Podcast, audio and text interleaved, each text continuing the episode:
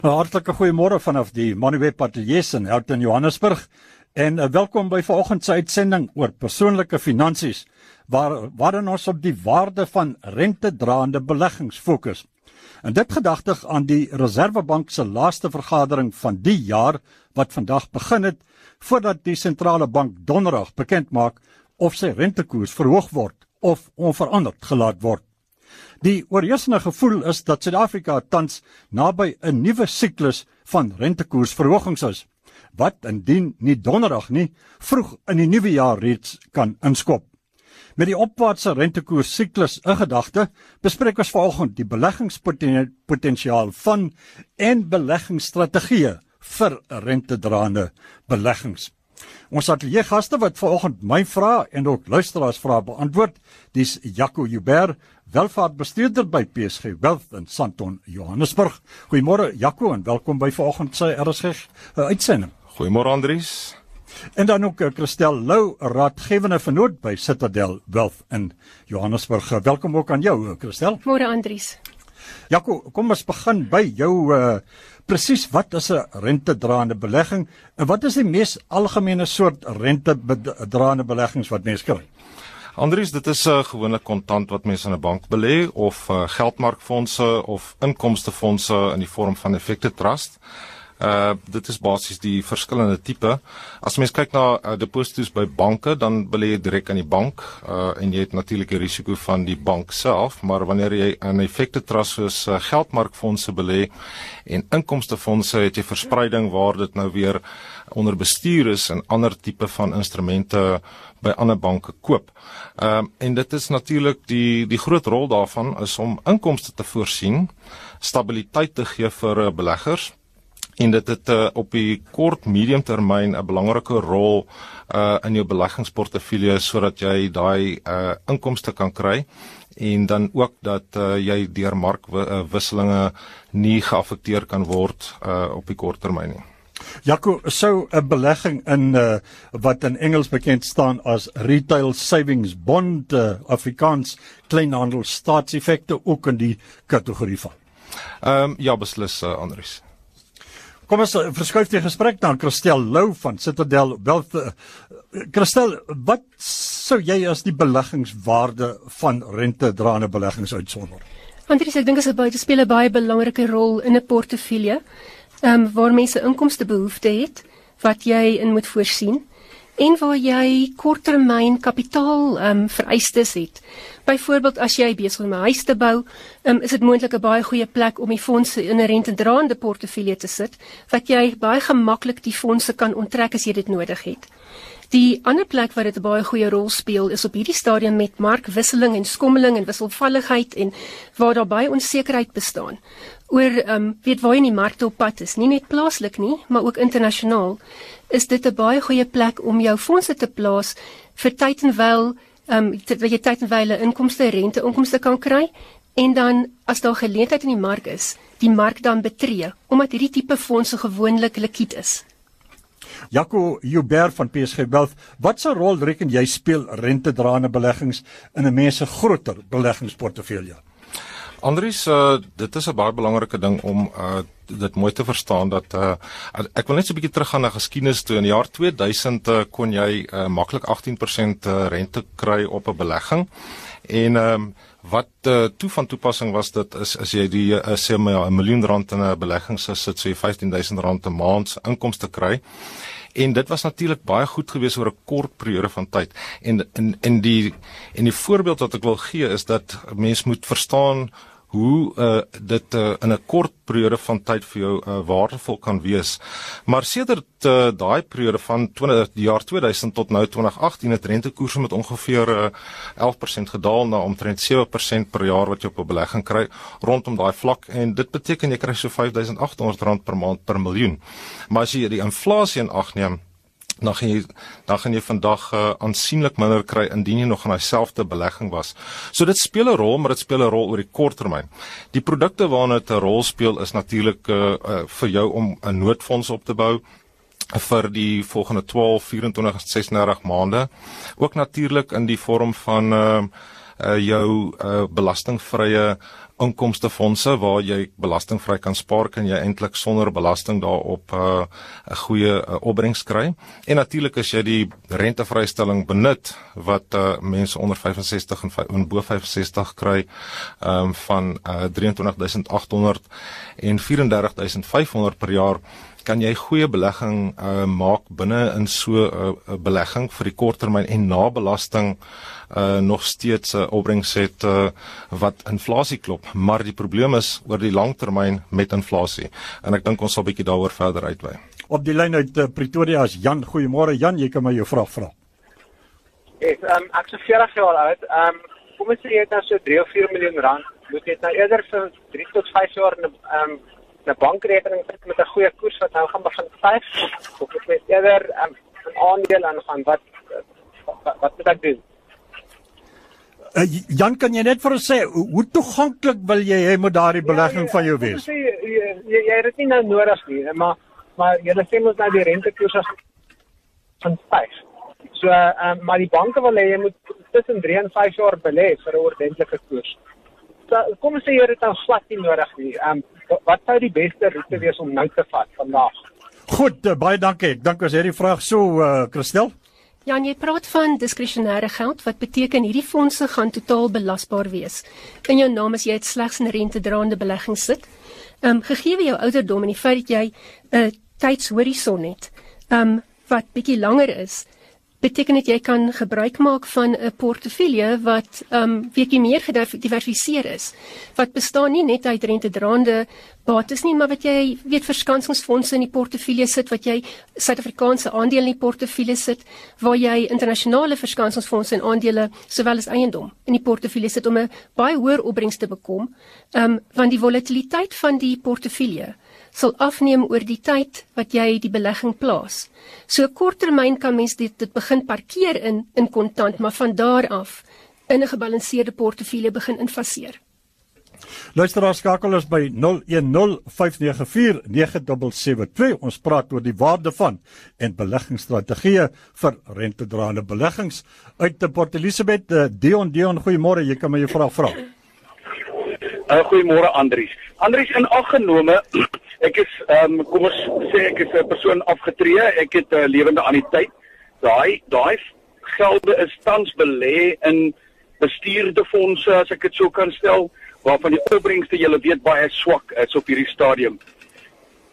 Alhoewel dit swak is, bly die bestuursfooie nog steeds 2.1% van jou kapitaalbedrag in aggenome inflasie verloor jy as persoon weet jy's op die agtervoet jy verloor totaal. Geef my 'n rede hoekom ek net daardie gelde moet oorplaas van bestuurde fondse na sulke rentedraande kapitaalfondse byvoorbeeld nie. Goed, eh, Dion, baie dankie dat jy geskakel het. Dis 'n heerlike vraag. Ek gaan sommer vir uh, Christel en Jaco vra om te praat hieroor. Jaco, kom ons begin by jou. Uh Dion, ja, baie dankie. Uh, ek dink hier die eerste ding is jy sê jy's uh, afgetree so kan vaar is oor 65, maar natuurlik in 'n gekoppelde anniteit of 'n lewende anniteit waarin jy belê is. Uh ek het 'n benadering waar ek glo jy moet 'n uh, kontantvloei uh berekening maak vir die volgende 20, 25, 30 jaar om te bepaal wat se inkomste jy nodig het. En dan moet daar batetoewysings wees in verskillende tipe bateklasse. Nou rentedraende instrumente kan baie hoog wees in 'n lewende anniteit. Die die die regulasie 28 van pensioenfondswet uh, verval sodra jy in hierdie tipe van produk belê. Wat dan oor kan selfs 100% uh, in rentedraende instrumente wees of oorsee en so meer. Maar dit is nie waaroor dit gaan nie. Jy gaan 'n uh, benadering moet volg soos waar dit amper in silo's is. Soos vir die eerste volgende vir die volgende 3 jaar behoort uh, die kontant wat jy nodig het, die inkomste behoort in rentedraende instrumente te wees sodat jy nie uh, met war, uh, mark uh, wissel, uh, wisselinge uh jy weet 'n invloed hê op die op die kontant wat jy onttrek nie. En dan moet dit amper wees soos koek wat gebak word wat nog nie gereed is nie. Fondse wat daar is om inflasie plus 3, inflasie plus 4, inflasie was 5 en so meer uit te presteer, moet gekombineer word en die langste sal wees natuurlik buitelandse beleggings. Want die lang eh, die realiteit is as jy 'n opbrengs uh, nou uit jou fondse neem van kom ons sê 5% en inflasie is rondom 6%, het jy eintlik 'n 11% opbrengs nodig. So die antwoord is dat jy gaan nie met 'n met 'n 100% blootstelling aan rentedraende instrumente rente nou regkom nie, want die koers wat jy gaan kry in sulke fondse is dalk 7 of 8%. En dit gaan absolute risiko meebring, met ander woorde jy gaan verseker agteruit boer. So uh daar is 'n daar's 'n redelike benadering in 'n in 'n wiskundige berekening wat moet gedoen word om hierdie goed mooi vir jou te bereken. En ek sou voorstel jy sit met 'n beplanner om dit deeglik uit te werk. Ek hoor dalk dat jy te veel in ehm um, uh medium risiko beleggings is wat op hierdie stadium uh eintlik die totale fonds opmaak en dalk nie 'n uh, verspreiding het van spesifieke fondse vir spesifieke doelwitte nie. Dankie Andries. Christel? Dion, wie ek het jou vraag mooi geluister En uit daardie saak en aftreffondse is dit baie voordelig om rentedraande beleggings te hê omdat daar geen belasbaarheid is van daai belegging nie. Ek dink baie beleggers het groot frustrasie uit weet gebalanseerde fondse wat iets soos 'n regulasie 28 is, um, wat voorgeskryf word hoe die fondse belê moet word. Nou die opbrengste oor die afgelope 3 jaar was maar power. Wel moontlik 3 na 5% per jaar in so 'n fonds. En dis waar jy jou fondsbestuurder baie effektief moet kies. Laat jy 'n fondsbestuurder het wat takties jou portefeulje kan bestuur um boonbehalwe jou strategie en jou in in in jou plan ek sluit aan by Jaco dat mens definitief moet kyk na inflasie plus jou onttrekkingskoers wat ten minste geklop moet word. Maar die verwagting is dat jou batebestuurder wat die die fondsbestuurder wat die portefeulje vir jou bestuur 'n flexible mandaat het in terme van die blootstelling aan kontant in die portefeulje en dat daai bestuurder vir jou 'n hoër kontantposisie sal sal weet kry of of bekom in 'n fonds in tye soos nou waar daar onsekerheid is en baie lae opbrengste. Op die lyn uit Kaapstad is Amanda. Goeiemôre, jy kan my jou vraag vra. Goeiemôre. Ag ek wil graag twee dinge weet en dan gaan ek by die radio luister. Ehm uh, ek het 1000 rand wat uh, vloeibaar is.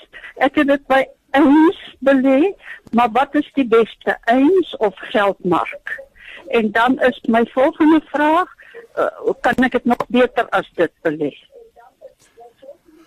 Goed, uh, baie dankie. Ek is net so seker waar het jy dit tans belê, Amanda?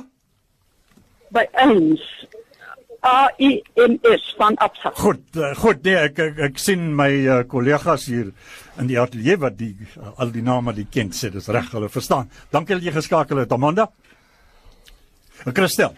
Amanda, ek dink dit is baie belangrik om te kyk na ehm um, nie net eens is die is die platform waar jy by belê het en jy moet kyk na wat se onderliggende fonds waarin jy belê het. En ek glo eens sal geldmarkfondse sowel as inkomstefondse. Ehm um, jy gaan moet baie mooi kyk om te sien wat se rentekoers wat gebied word op daai fondse.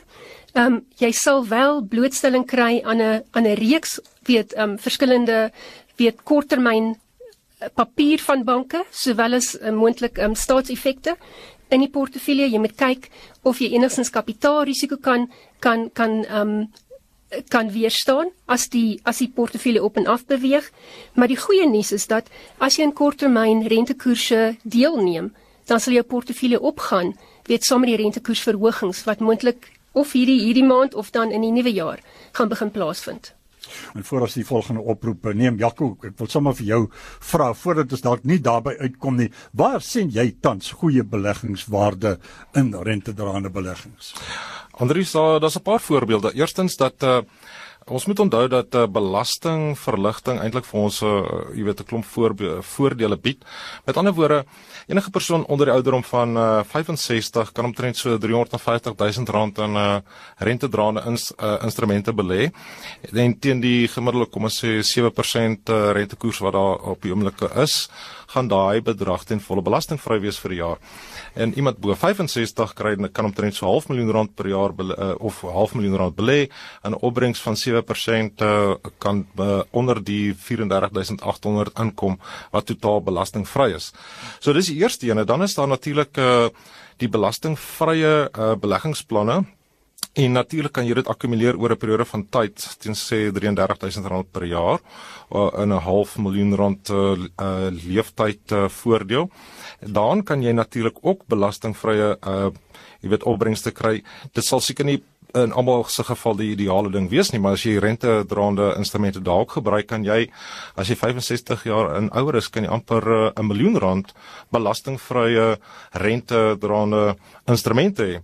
En dan natuurlik uh, die derde ene is uh, wanneer jy afgetree is en nie die nie diskresionêre geld, jou verpligte geld en gekoppelde anniteite weer eens uh, alle inkomste en verdienste op 'n portefeulje dividende en so meer in 'n in 'n anniteit is uh, belastingvry. En jy kan 'n baie hoë vlak van rentedraande instrumente kry wat vir jou die kontant die hele tyd genereer om daai inkomste te betaal. Op die lyn uit uh, Witbank nou is uh, Martin. Martin goeiemôre. Jy kan my jou vraag vra. Môre Andri.